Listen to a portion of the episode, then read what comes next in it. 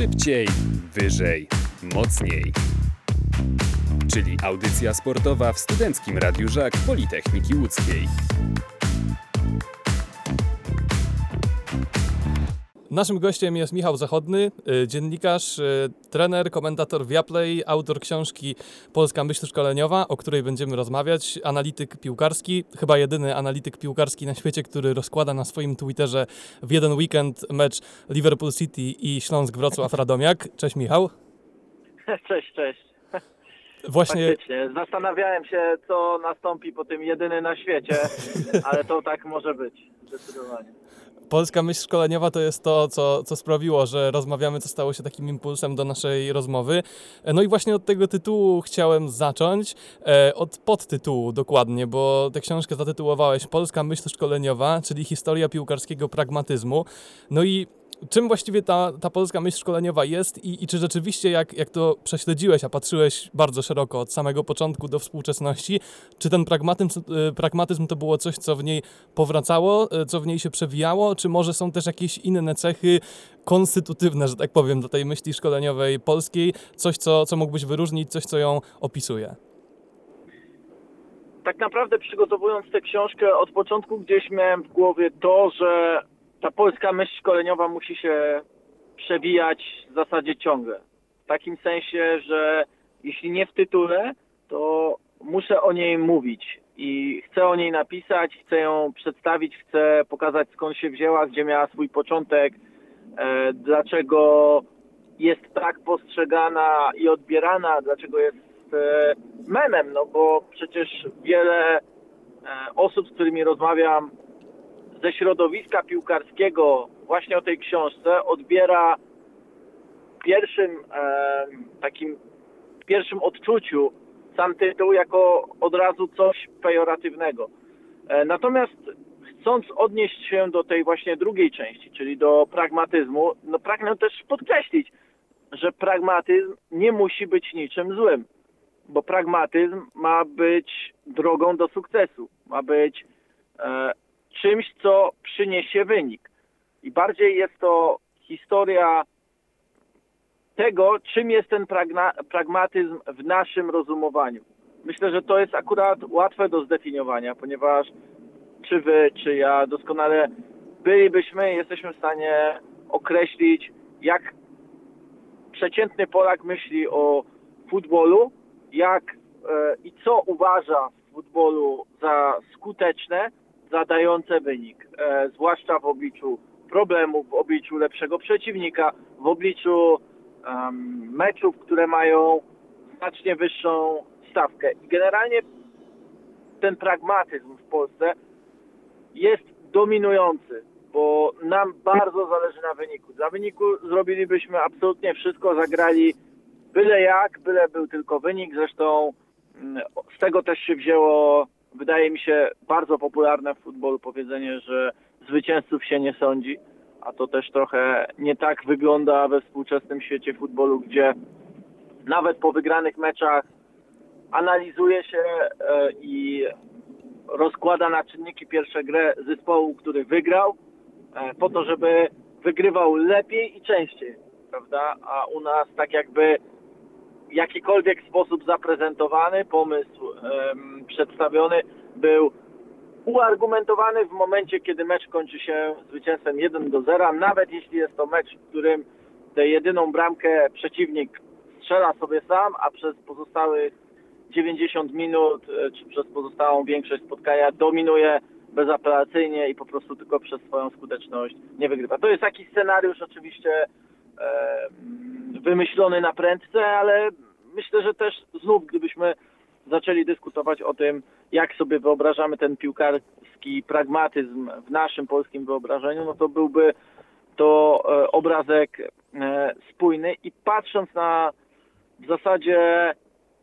historię polskiego futbolu, chciałem przede wszystkim e, pokazać, że u nas zawsze to było. Że to nie jest kwestia ostatnich 10 lat, że to nie jest kwestia pokolenia z lat 80., pokolenia z lat 70., pokolenia, które pamięta Wembley, pamiętam Mistrzostwa Świata w 74, pamiętam Mistrzostwa Świata w 82. Nie, to było już znacznie wcześniej i to z czegoś wynikało. To była dla mnie fascynująca podróż, naprawdę, e, podczas której miałem taką frajdę, że sam się uczę i sam coś odkrywam, bo pomysł na książkę e, w zasadzie nie zawierał tego, nie zawierał, powiedziałbym nawet 80% tego, co udało mi się znaleźć. Czytając Twoją książkę, tak sobie pomyślałem, tak trochę pół żartem, ale jest w tym troszkę też prawdy, że stykam się z takim materiałem, który w zasadzie mam wrażenie, że wymagałby nie tylko umiejętności analityka futbolowego, ale momentami wręcz psychoanalityka. To znaczy tam jest dużo takich, yy, tak naprawdę nie piszesz tylko o tym, czy Polacy, nie wiem, w danym czasie grali 4-2 czy 4-3-3, ale dużo jest w twojej książce o takich, jakichś takich wartościach, jakimś takim duchu, o tym, co polscy piłkarze mają świadomości, z czym są wychowywani, co niekiedy gdzieś wypierają, a i tak mają z tyłu głowy. E, jestem ciekawy, jakie, jakich rzeczy właśnie mówisz, że, że się dużo nauczyłeś podczas pisania tego. Co, co najbardziej, jaka jest twoja taka jakaś, nie wiem, najbardziej zaskakująca, najbardziej świeża nauka, którą sam wyciągnąłeś ze swojej pracy? Wiesz co, właśnie dla mnie taka największa nauka polegała na tym, że to nie miała być historia, w sensie w jakimś mm, momencie planowałem, że to będzie historia polskiej taktyki, czy też polskiego podejścia do taktyki, czyli wytłumaczenia, dlaczego kiedyś graliśmy 4-4-2, z czego wynikały decyzje trenerów, e, co doprowadziło do czego konkretnie w danych latach, ale naprawdę stwierdziłem, że większą wartością będzie opowieść o naszej mentalności piłkarskiej, bo myśl też jest w zasadzie e, po, bardzo podobnym aspektem i mm, tak naprawdę patrząc na to, jak, e, e, jak my myślimy o futbolu, jak chcemy rozmawiać o futbolu, to ja widzę widzę wiele takich lekcji bardzo uniwersalnych, bardzo nam potrzebnych, potrzebnych w zasadzie tu i teraz, takich lekcji, które są,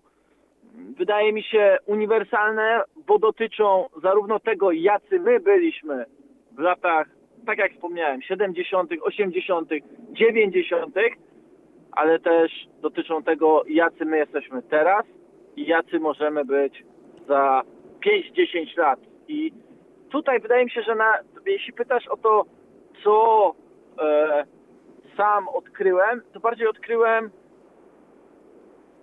co nie chciałbym brnąć, powiedzmy, będąc e, częścią środowiska piłkarskiego, czyli nie chciałbym brnąć właśnie w taki pragmatyzm, uzasadnianie, czy też uargument, uargumentowywanie wszystkiego e, wynikiem. Nie chciałbym brnąć w to, że e, czegoś się nie da zrobić, bo o tym też piszę w swojej książce. I w zasadzie, jeśli mowa też o mentalności, to złapałem się na tym, że przecież pisząc o mentalności piłkarskiej, bardzo często też myślę, ale przecież to tak samo ma się do naszej mentalności, e, nie wiem, gdy mówimy i rozmawiamy o polityce, gdy rozmawiamy o naszym społeczeństwie, gdy rozmawiamy o szkolnictwie, gdy rozmawiamy o wielu innych rzeczach, o takich problemach bieżących, to te rzeczy też się przewijają w futbolu. I to jest chyba też najlepszy wyraz tego, że wcale jako środowisko piłkarskie, jako mm, w ogóle futbol w Polsce nie, nie istniejemy w oderwaniu, ale jesteśmy od wielu rzeczy uzależnieni i od wielu zachowań w zasadzie także. Mm, twoja książka obejmuje ponad no, 100 lat z kawałkiem historii polskiego futbolu. W połowie mniej więcej tego okresu, te 50 lat temu, zdarzyło się no, coś, co tak jest takim jakby jądrem całej historii polskiej piłki, czyli to 10 lat sukcesów, kiedy po prostu byliśmy takimi kozakami, że srebrny medal na olimpiadzie i wyjście z grupy na mundialu w Argentynie to i tak był niedosyt. E, chciałem Cię spytać troszkę o te czasy, ale tak w odniesieniu do teraźniejszości, ponieważ ja mam takie wrażenie i twoja lektura Twojej książki trochę mnie w tym utwierdziła, że to wszystko, co się stało te 50-40 lat temu, yy, wszystkie sukcesy Kazimierza Górskiego i tak dalej, zostało jakby zredukowane, jakoś takie uproszczone do tego, jak dzisiaj myślimy o futbolu, że został z tego właściwie tylko głównie ten Mid Wembley, czyli meczu granego jako taką obronę Częstochowy. Zostało parę powiedzonek y, Kazimierza Górskiego, które nie do końca moim zdaniem oddają to, jakim on był trenerem, jaką w ogóle był postacią. Y, czy da się z tych czasów, z dzisiejszej perspektywy, z tych, z tych lat tłustych, lat sukcesów, wyciągnąć jakąś inną narrację, coś bardziej pozytywnego, coś bardziej, nie wiem, przydatnego, co bardziej trafiałoby dzisiaj do wyobraźni niż ten, no wspomniany na przykład Mid Wembley?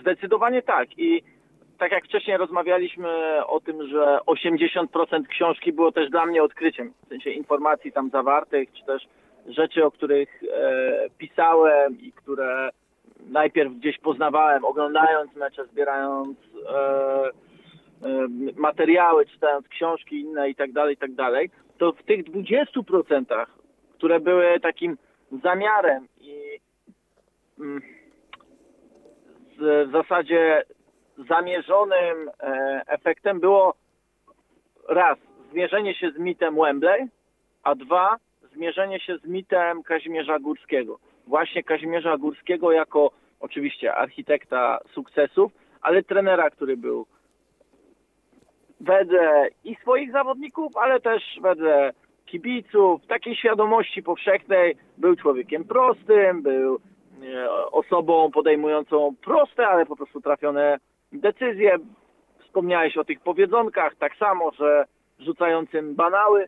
Nie, to był szkoleniowiec o wielu przemyśleniach, o nie chcę powiedzieć właściwych inspiracjach, ale takich inspiracjach, które pomogły mu w karierze e, selekcjonerskiej. To był trener, który myślał o futbolu znacznie szerzej niż się wówczas o nim rozmawiało. E, I to był też szkoleniowiec, którego odwaga w pierwszej kolejności pozwoliła nam wyrwać się na wyższy poziom. E, i awansować na Mistrzostwa Świata i myśleć o tym, dlaczego możemy być w światowej czołówce. Bo przede wszystkim Górski nie myślał o tym, że my w tej światowej czołówce możemy być wyłącznie za sprawą właśnie pragmatycznego podejścia, ale nie odważnego. My musi, chcąc nawiązując do czołówki, musimy czerpać od nich jak najwięcej i w zasadzie troszkę nawet kopiować. Oczywiście mając swoich zawodników, mając e, swoich wykonawców, ale brać to co najlepsze i nie bać się tego, jakie mogą być konsekwencje. E, to jest w ogóle ciekawe, bo dla mnie inspirowanie się byłymi selekcjonerami było kiedyś takim, powiedziałbym, no czymś, co e, straciło już datę swoją ważności, prawda? Bo ja, ileż można się inspirować tym, co zdarzyło się w 1982 roku. Tymczasem właśnie czytając tę książkę, bardzo zrozumiałem to, dlaczego e, Czesław Michniewicz zdecydował się, by spotkać się z kilkoma selekcjonerami, którzy awansowali na Mistrzostwa Świata, byli na Mistrzostwach Świata, prowadzili kadrę, porozmawiać, zebrać ich przemyślenia. E, I choćby takim jednym przemyśleniem, którym on sam się ostatnio podzielił po meczu, e, przepraszam, po spotkaniu z Antonim Piechniczkiem, było była kwestia odwagi w decyzjach personalnych. I tu jestem bardzo ciekaw, na ile z tych właśnie odważnych, z tych odważnych decyzji poprzednich selekcjonerów on będzie chciał czerpać do swojej pracy, bo wydaje mi się, że właśnie mógłby też skorzystać na przykładzie odwagi Kazimierza Górskiego, który mówił wprost, że trener piłkarski musi być odważny, musi podejmować odważne decyzje, musi narzucać tę odwagę swojej drużynie, bo drużyna strachliwa po prostu ma mniejsze szanse coś osiągnąć. Ja się w tym, z tym w pełni zgadzam. Niestety my często tak mamy, że odwagę trochę mylimy z charakterem, z rzucaniem się pod nogi, blokowaniem strzału, a dla mnie znacznie bardziej odważne jest to, o, o znacznie więcej o odwadze mówi to, jeśli ktoś podejmuje odważne decyzje z piłką, o jej prowadzeniu, o zagraniach, o um, o strzale, o czymś niekonwencjonalnym. To jest dla mnie taka piłkarska odwaga i myślę, że dla Kazimierza Górskiego było dokładnie tak samo. On takich zawodników e, szukał, to nie ma zresztą żadnego zaskoczenia w tym, e, ale tak, warto się uczyć po prostu od tam, z tamtych czasów. Wiem, że Twoje pytanie dotyczyło raczej tego, na ile ta dekada e, sukcesów też trochę nas nie spaczyła, ale myślę, że to nie sukcesy nas spaczyły, tylko ich odbiór, sposób rozmawiania o nich, em, analizowania ich, em, nawet gdzieś pisania o nich, bo przecież czytałem wiele artykułów czy też książek, które nie analizowały tego, jak grała reprezentacja Polski. Bardzo mało było tego nawiązywania do właśnie sposobu grania, a więcej do osiągnięć, więcej do nawet może ludzkich historii. I szkoda tylko, że wtedy sprowadzono e, sukcesy do, e, do powiedzmy najbardziej podstawowych e, czynników potrzebnych, by ich osiągnąć, a tych czynników jest znacznie, znacznie więcej. E, zresztą Kazimierz Górski zaczął dostrzegać to, że e, gdy on skutecznie czerpał od najlepszych, chciał do nich nawiązać i mu to wychodziło, to szybko dostrzegł, że również ta klasa średnia, która gdzieś została z tyłu za Polakami w 72, 74, zaczęła, zaczęła bardzo szybko nadrabiać. E, zaczęła nadrabiać poprzez właśnie myślenie o tym, co ten sukces może zagwarantować, jak można na niego zapracować e, poprzez szkolenie, poprzez taktykę, poprzez prowadzenie drużyny, styl gry itd., itd., gdy w Polsce stwierdzono, że osiągnięto idealny stan, prawda? Idealną e, ścieżkę do sukcesu. A tak niestety nie było i szybko zachłyśnięto się tym, co było, zachłyśnięto się tą najprostszą um, naj, najprostszą ścieżką, czy też najprostszym sposobem rozmowy, taką powiedziałbym prostą mentalnością, e, zamiast myśleć, ok, osiągnęliśmy punkt A, ale żeby się na nim utrzymać, to musimy realizować e, jeszcze punkt B, C, D i tak dalej, i tak dalej. A w Polsce było niestety inaczej. To dobrze powiedziałeś, to jest taki punkt środkowy, który dziś możemy odbierać jako niewykorzystaną szansę w kontekście kolejnych dekad. Sporo mówiłeś o Kazimierzu Górskim. Myślę, że taką drugą, najbardziej wyrazistą postacią, jeśli chodzi o polską myśl szkoleniową tamtych lat, no jest jednak człowiek, który pokazał polskiemu futbolowi predzonę, e, czyli Jacek Gmoch. E, I właśnie jestem ciekaw Twojego odbioru tej postaci e, po, po Twoich badaniach, po tym jak, jak poczytałeś więcej o tamtych czasach, po tym jak się zagłębiłeś bardzo mocno w historię futbolu tamtych dekad. Czy, czy widzisz w Jacku Gmochu bardziej kogoś, kto wyprzedził swoje czasy i myślał wtedy o futbolu w bardzo podobny sposób, w jaki myślą trenerzy dzisiaj, czy może kogoś kompletnie odklejonego od swoich czasów i żyjącego w swoim świecie? Na pewno Jacek Gmoch wyprzedził swoje czasy jeśli chodzi o jego podejście do pracy, do, e, jeśli chodzi o jego metodykę działań, jeśli chodzi o e, myślenie o tym, co może wykorzystać, jakie informacje, ale był to też człowiek wielu sprzeczności, zwłaszcza jeśli chodzi o działanie, jeśli chodzi o podejście do swoich zawodników.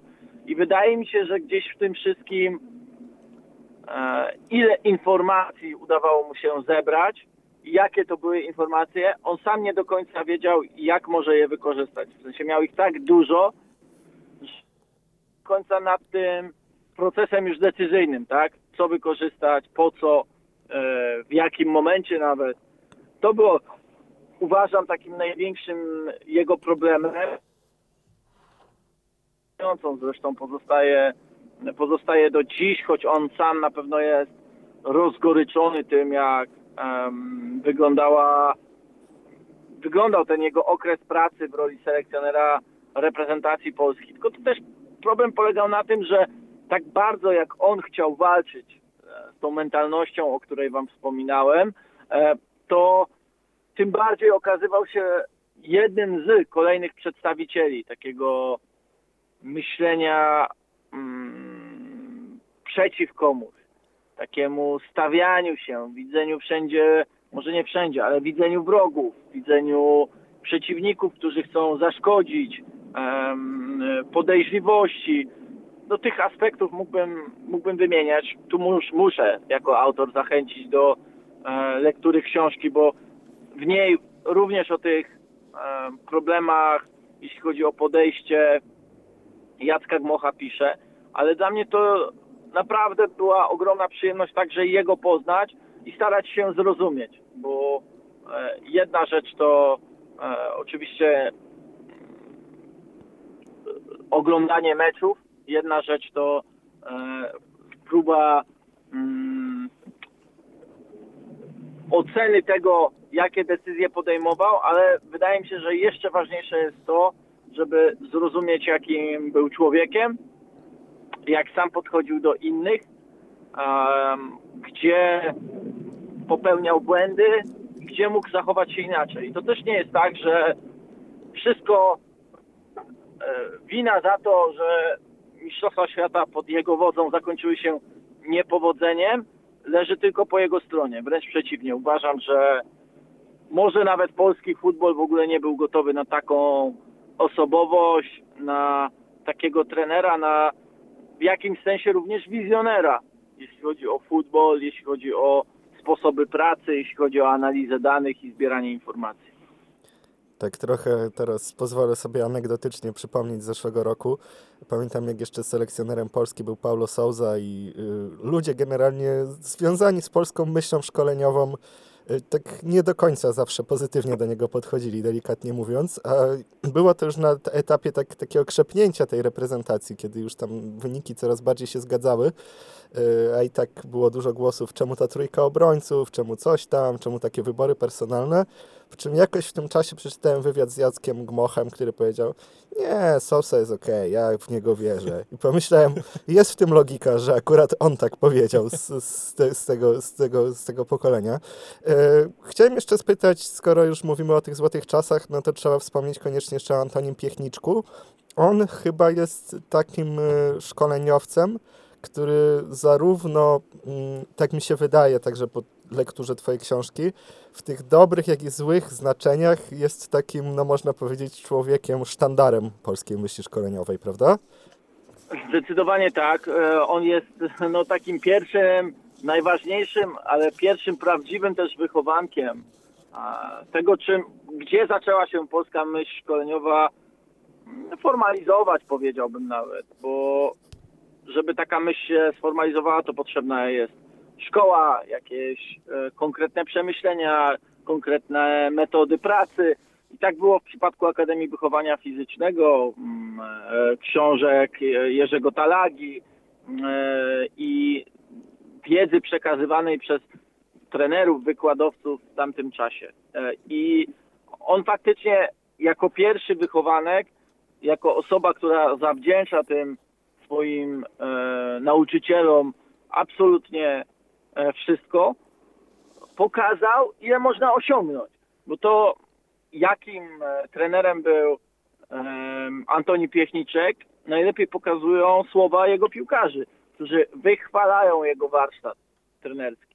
Warsztat, czyli umiejętność organizacji zajęć, środki treningowe, e, umiejętność pracy, przygotowania indywidualnego, zespołowego.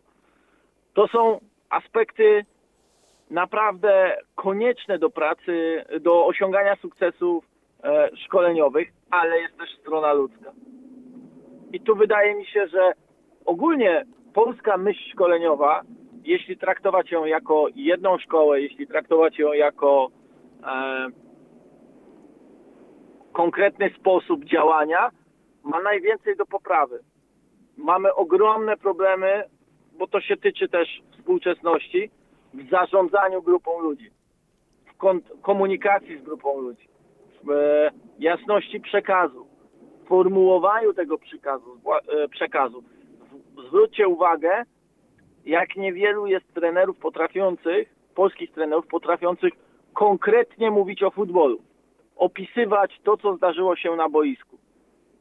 Nie ma takich osób zbyt wiele. Moglibyście wskazać, nie wiem, trzy, cztery takie osoby obecnie pracujące gdzieś na poziomie centralnym. Myślę, że to jest akurat właśnie rzadkość i też rzadko niestety kibice tego wymagają, albo inaczej, media tego wymagają, a taka rozmowa o futbolu to dałaby myślę znacznie więcej nie tylko samym trenerom, nie tylko podniosłaby ich umiejętność komunikacji, ale sprawiłaby, że my wszyscy jako środowisko, jako kibice, jako dziennikarze, jako e, obserwatorzy i tak dalej, i tak dalej, inaczej rozmawiać o futbolu. I to, to jest teraz też nam potrzebne, żebyśmy się nie zamykali przed rozmową o futbolu, z czym zresztą miał ogromny problem Antoni Piechniczny, bo on nie chciał e, rozmawiać z mediami, z dziennikarzami o piłce nożnej, bo uznawał, że to nie są partnerzy do dyskusji. Ale właśnie mój kolega redakcyjny mm, Szymon Ratajczak lubi powtarzać, futbol jest demokratyczny. W futbolu każdy może rozmawiać o piłce nożnej, o sposobie gry, o wyniku, każdy może mieć swoją opinię i o jej zasadności nie świadczy papierek, prawda, osiągnie, zdobyty na choćby Akademii Wychowania Fizycznego, ale umiejętność argumentacji, przedstawienia, rozmowy, dyskusji, wskazania czegoś. Chciałbym, żebyśmy trochę pociągnęli ten temat już e, za, zaczęty przez Adama, e, który wspomniał o, o Paulo Souzie, e, czyli dochodzimy do e, tematu obcych w polskiej myśli szkoleniowej. E, bardzo ciekawą perspektywę w Twojej książce przedstawiłeś, bo poniekąd złączyłeś e, kadencję Leo Benhakera i Paulo Souzy. Znaczy jakby opi opisałeś je łącznie, płynnie przechodząc z Leo Benhakera do Paulo Souzy i jestem ciekaw Twojej optyki na kadencję tych, tych trenerów. Czy to, czy to nie jest w ogóle może tak, że że właśnie my w Polsce ogólnie zawsze zagranicznych trenerów postrzegaliśmy jako trochę obcych, oni zawsze byli trochę ciałem obcym. No i też jak patrzysz właśnie na samego Ben Hackera, na samego Souzę, czy, czy, czy twoim zdaniem ich, ich kadencje to była jakaś niewykorzystana szansa na zmianę, na zbudowanie innej mentalności, e, na zmiany systemowe w polskim futbolu? Myślę, że nasza podejrzliwość w kwestii e, zagranicznej myśli szkoleniowej, tak to nazwijmy, wynikała z tego, co działo się po wojnie, z takiego siłowego kształtowania naszej mentalności przez oczywiście e, wielkiego brata, przez Związek Radziecki. E, my sobie jeszcze z tym nie poradziliśmy. Przynajmniej ja uważam, że jeszcze nam wiele brakuje do tego, żebyśmy mogli powiedzieć, e, że ufamy właśnie zagranicznym szkoleniowcom w pełni pracowali na zupełnie innych, na zupełnie innym materiale ludzkim Leo Benhaker oraz Paulo Souza, ale szli w takim kierunku, by wykorzystać ten materiał ludzki jak najbardziej, każdą, każdy procent wyszkolenia technicznego albo ofensywnego usposobienia. E, Souza zresztą wielokrotnie mówił o zmianie nawet nie tyle sposobu grania, ile mentalności, ile sposobu myślenia. Dlatego tyle mówił również o świadomości, o tym, co dzieje się w głowach piłkarzy e, polskich, e, żeby nad tym właśnie z nimi pracować, żeby na to też zwracać uwagę. I poniekąd to, że jego konferencje prasowe wyglądały tak, że on dawał wykłady o swoim sposobie myślenia o futbolu, o tym, jak on postrzega futbol, jak tłumaczył nawet poszczególne decyzje e, taktyczne w meczach, sprawił, że kibic polski zaczął domagać się czegoś więcej i to od kolejnych trenerów.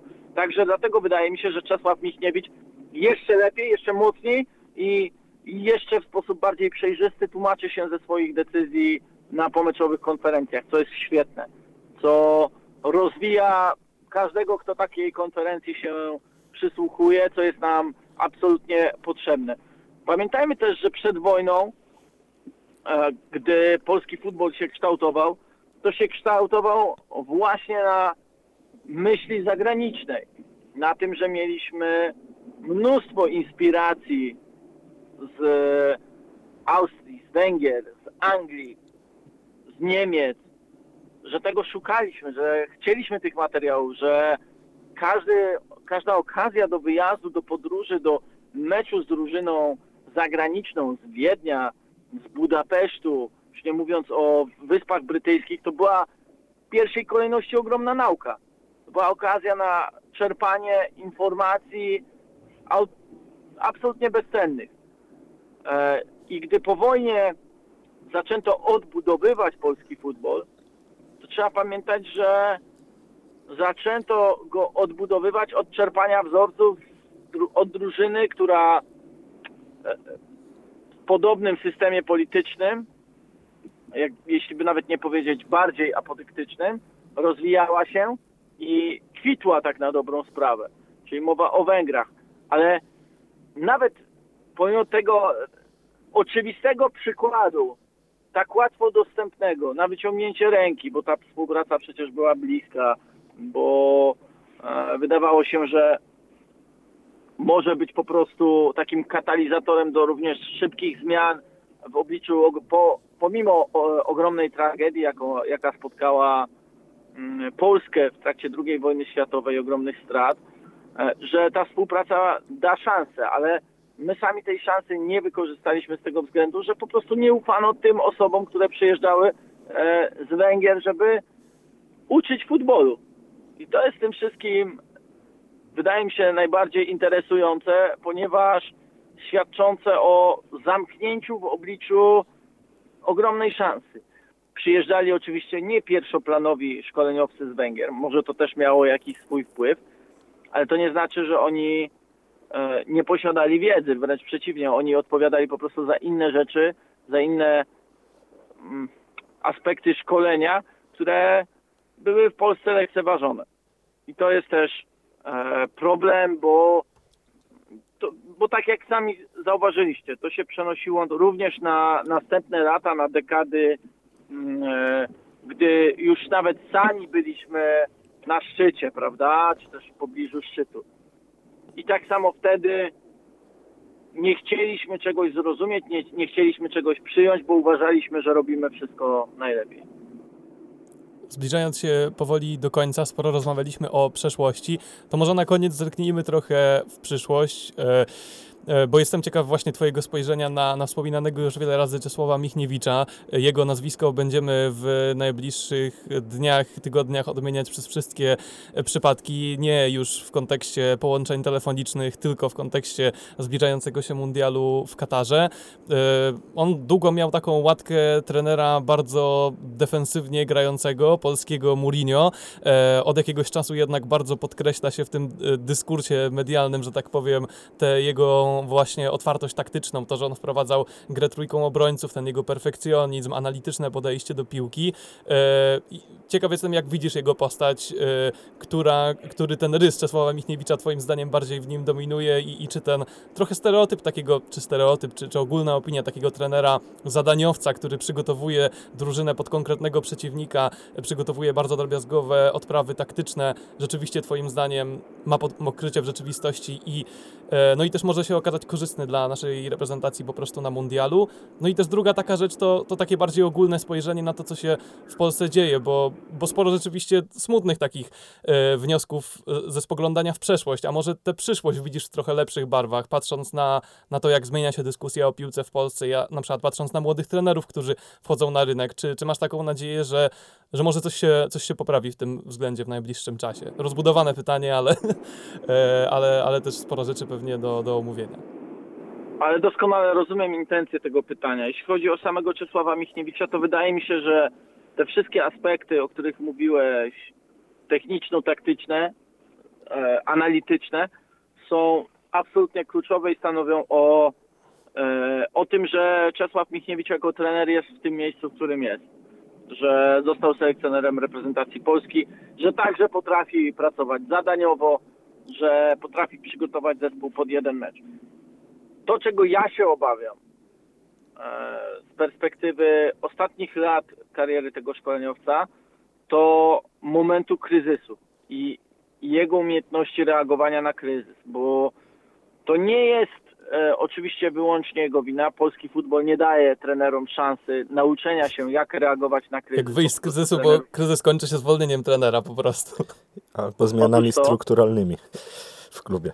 Otóż to, otóż to. E, sami doskonale o tym wiecie i też Czesław Michniewicz wiele razy był tego ofiarą, ale z, z racji tego, że był tego ofiarą, to dostrzegam, że wpada w trochę taką pułapkę mm, bardzo też powszechną u innych szkoleniowców, a więc pułapkę e, zamykania się w jakiejś takiej właśnie oblężonej twierdzy, w nawet nie tyle szukaniu winnych obok, ale e, w wybieraniu nawet nie bezpieczniejszej opcji, ale jakby to ująć, takim po prostu działaniu e, bardzo kryzysowym, gdzie wszystko to, co właśnie w jego grze dobre, w jego pracy dobre, niestety traci na aktualności, bo ten czynnik emocjonalny bierze górę, takiego nawet powiedziałbym e, działania na przekór. I, I zastanawiam się, czy to nie będzie takim największym problemem w jego pracy w, w reprezentacji Polski, bo można powiedzieć, że to trochę go kosztowało również jeśli chodzi o Legię. Można też zauważyć, że to kosztowało go w poprzednich klubach. E, oczywiście nie życzę mu żadnego kryzysu, ale e, mam nadzieję, że jeśli taki gdzieś go na jakimkolwiek etapie Mistrzostw Świata dopadnie, to będzie w stanie przypomnieć sobie, ile korzyści dało mu myślenie do przodu w obliczu problemów. A jeśli chodzi o, o tę no, ogólną przyszłość e, myśli szkoleniowej w Polsce i czy myślisz, że te stare grzechy, e, stare problemy będą się za polską myślą szkoleniową ciągnąć, czy, czy właśnie patrząc w przyszłość masz, masz więcej nadziei? Na pewno jest pokolenie trenerów, które daje większą nadzieję, że polski futbol będzie wyglądał po prostu lepiej.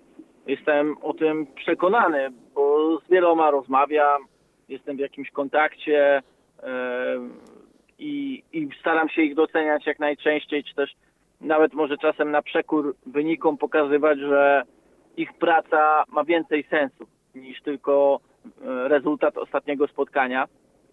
E, ale to nie, nie jest zależne tylko ode mnie, bo trenerzy pracują w klubach z ludźmi, działaczami, którzy tam decydują o przyszłości i sensowności pracy danej osoby.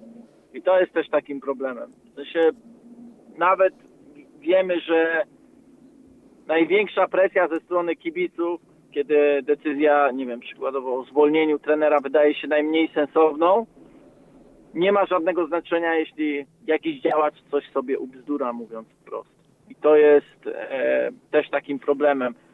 A to tylko tak naprawdę cząstka tego wszystkiego, bo mówimy o chęci zmian, o chęci e, wejścia na wyższy poziom, ale do tego potrzeba nie tylko cierpliwości, ale ciągłości pracy. I to nie takiej pracy byle jakiej, żeby pracować dzień w dzień, ale żeby to była praca planowa, żeby to była praca z konkretnym celem, z konkretną wizją. I w, w tym wszystkim też jest e, problem w polskim futbolu, bo my pracować lubimy. My pracować chcemy, potrafimy, ale potrzebujemy jeszcze właśnie tego planu, takiej wizji, takiego sensu nawet w tym wszystkim, żeby to nie poszło na marne. I oby tak nie było. To jest, myślę, dobra puenta naszej rozmowy o przyszłości, teraźniejszości i przyszłości polskiej myśli szkoleniowej. Mówił nam autor książki Polska Myśl Szkoleniowa, a poza tym e, analityk, dziennikarz, e, komentator e, w Viaplay Michał Zachodny. Dzięki za rozmowę. Dziękuję bardzo. Szybciej, wyżej, mocniej czyli audycja sportowa w Studenckim Radiu Żak Politechniki Łódzkiej.